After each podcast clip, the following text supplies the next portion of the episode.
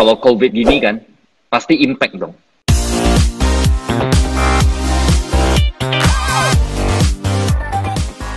Sales and everything ya, obviously impact ya. Uh, actually impacts ada, pasti ada.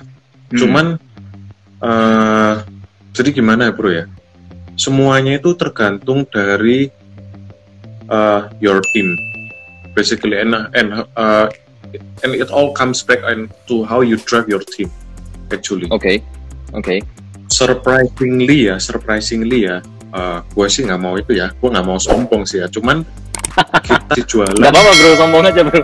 tinggi kan kalah jangan cek tapi uh, kita sekarang sih setiap bulan ya jualan rumah paling dikit 7 unit bisa-bisa Oke. 10 unit di tengah-tengah Oke. covid Tengah-tengah terus COVID kita ya. jualan ya kita jualan apartemen juga masih 11 unit berapa cuman kalau compare tuh sebelumnya sebelumnya jualan berapa ya 20 30 gitulah cuman ya ada penu- penurunan karena ya Hmm. you know mereka sekarang kan lebih lebih konservatif ya in saving money cuman uh, again how you drive your team is very important Cara pembayaran ke customer gitu ada diubah nggak bro? Maksudnya uh, since COVID gitu.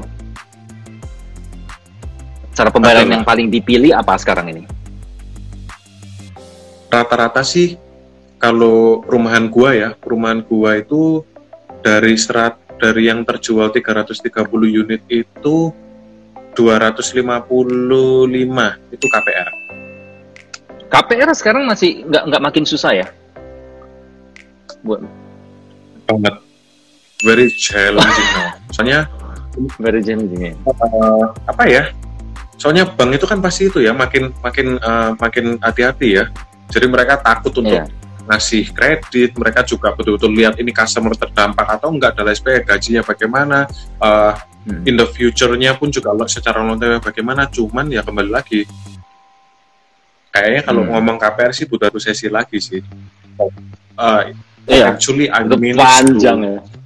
Iya, I managed to tackle it lah basically. You manage to what? I managed to tackle it Oh, okay. You always Iya. tackle stuff, bro. You always Oh, tackle something. Ya ah kapan gua telepon lu deh jangan jangan lewat sini deh ibaratnya apa bro ya kalau kalau kata gue juga ada ada mentor sih bro and you you can you can do this actually jadi di properti itu itu ada asosiasi di properti itu ada asosiasi ya kan Uh, if you remember our friend back then dia kan real Ya, ah. estate Indonesia nah Oke.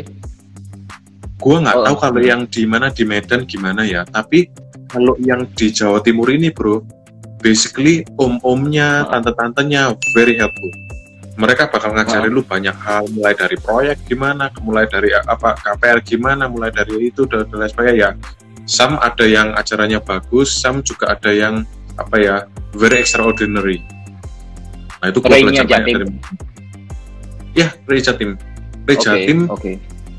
Ray Jatim menurut gua ya seniornya sangat-sangat kompak dan mereka Oke. tidak pelit ilmu.